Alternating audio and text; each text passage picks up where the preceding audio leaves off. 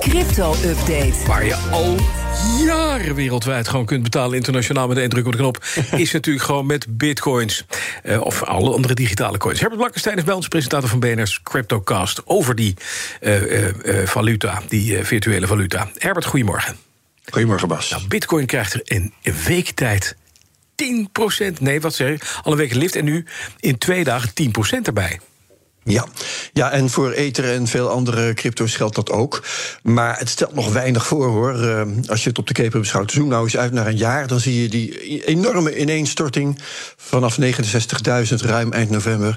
Begin juli gingen nog 4.000 eraf in één dag. Hè, Tussen de 30 en de 20.000 ergens.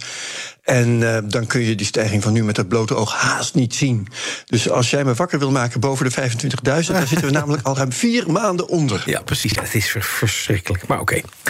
Coinbase wordt voor de rechter gesleept door een kleine 100 eigen gebruikers. Want de beurs zou waarschuwingen over een hack hebben genegeerd.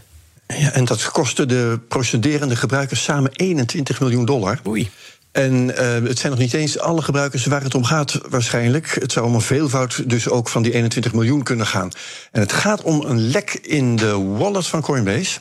Dat is dus waar de klanten hun crypto bewaren. Uh, scammers die hebben uh, Coinbase klanten een voucher weten te verkopen. Ja, dat leek een soort tegoedbon.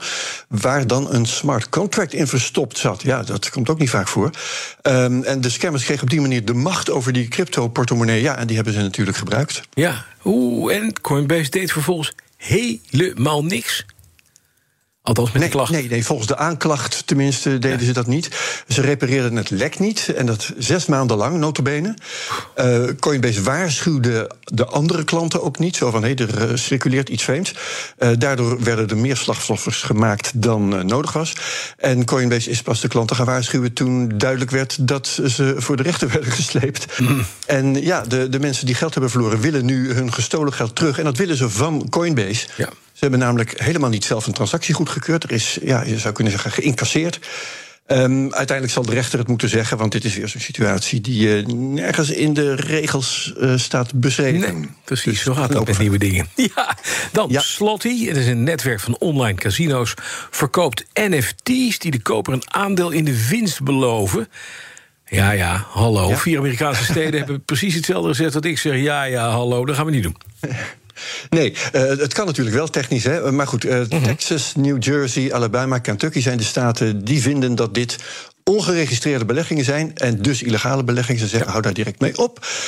Uh, Slotty doet dat niet, um, want ze zijn gevestigd in Tbilisi, in Georgië. Ja, en dat ligt ver van Alabama. ja, daarom. En um, Uh, maar ze verkopen dus 10.000 NFT's. Dan uh, krijg je een aandeel, als het ware, in hun 150 online casino's. In een moderne vorm dan. En dat levert je passief inkomen op. Als ze hun belofte houden, natuurlijk. Want ze zitten in Georgië. -hmm. um, maar de mensen achter slot die riskeren op deze manier 2 tot 10 jaar in een Amerikaanse cel. Natuurlijk, als ze ooit worden gepakt en berecht en ook veroordeeld. En dat moet je natuurlijk maar afwachten. Ja, dus voorlopig zie je ze niet in Las Vegas achter de slot die staan. Ik denk het Nee. Dan. Uh, komt dit misschien goed uit, want Interpol richt een speciale afdeling op uh, die gespecialiseerd is in cryptocrime.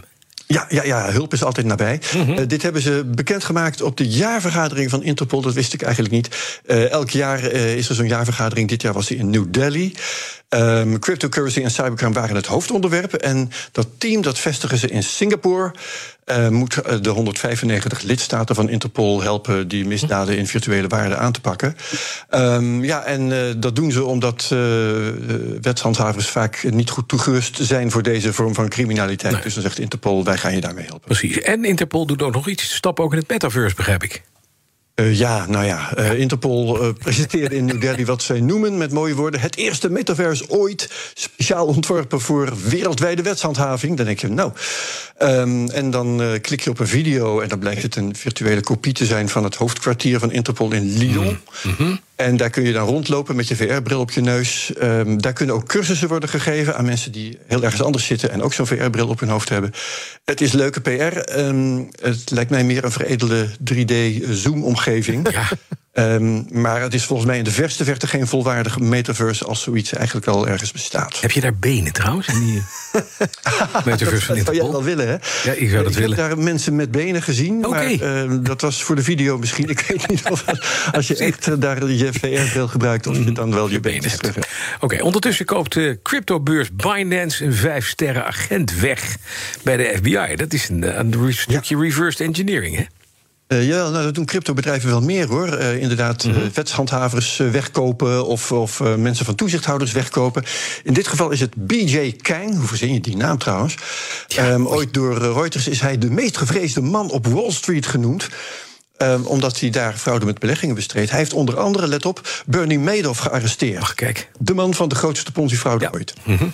Um, maar hij heeft ook veel gedaan op het terrein van cybercrime. Uh, witwassen met digitale middelen, hacken van cryptobedrijven. Daar heeft hij zich allemaal mee bezig gehouden. Dus hij is wel de juiste man op de juiste plaats.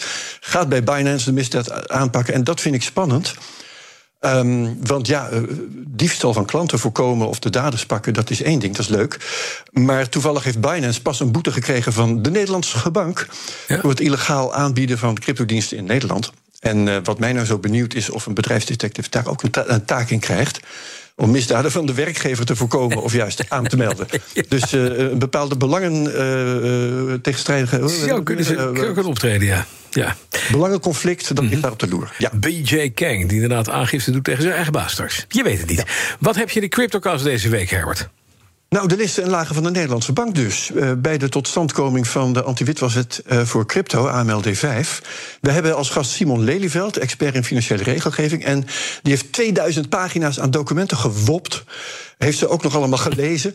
Echt balen e-mails tussen financiën en uh, de Nederlandse bank bijvoorbeeld. En wat daaruit komt is vrij spectaculair. En Lelyveld maakt zich ook daar heel boos over.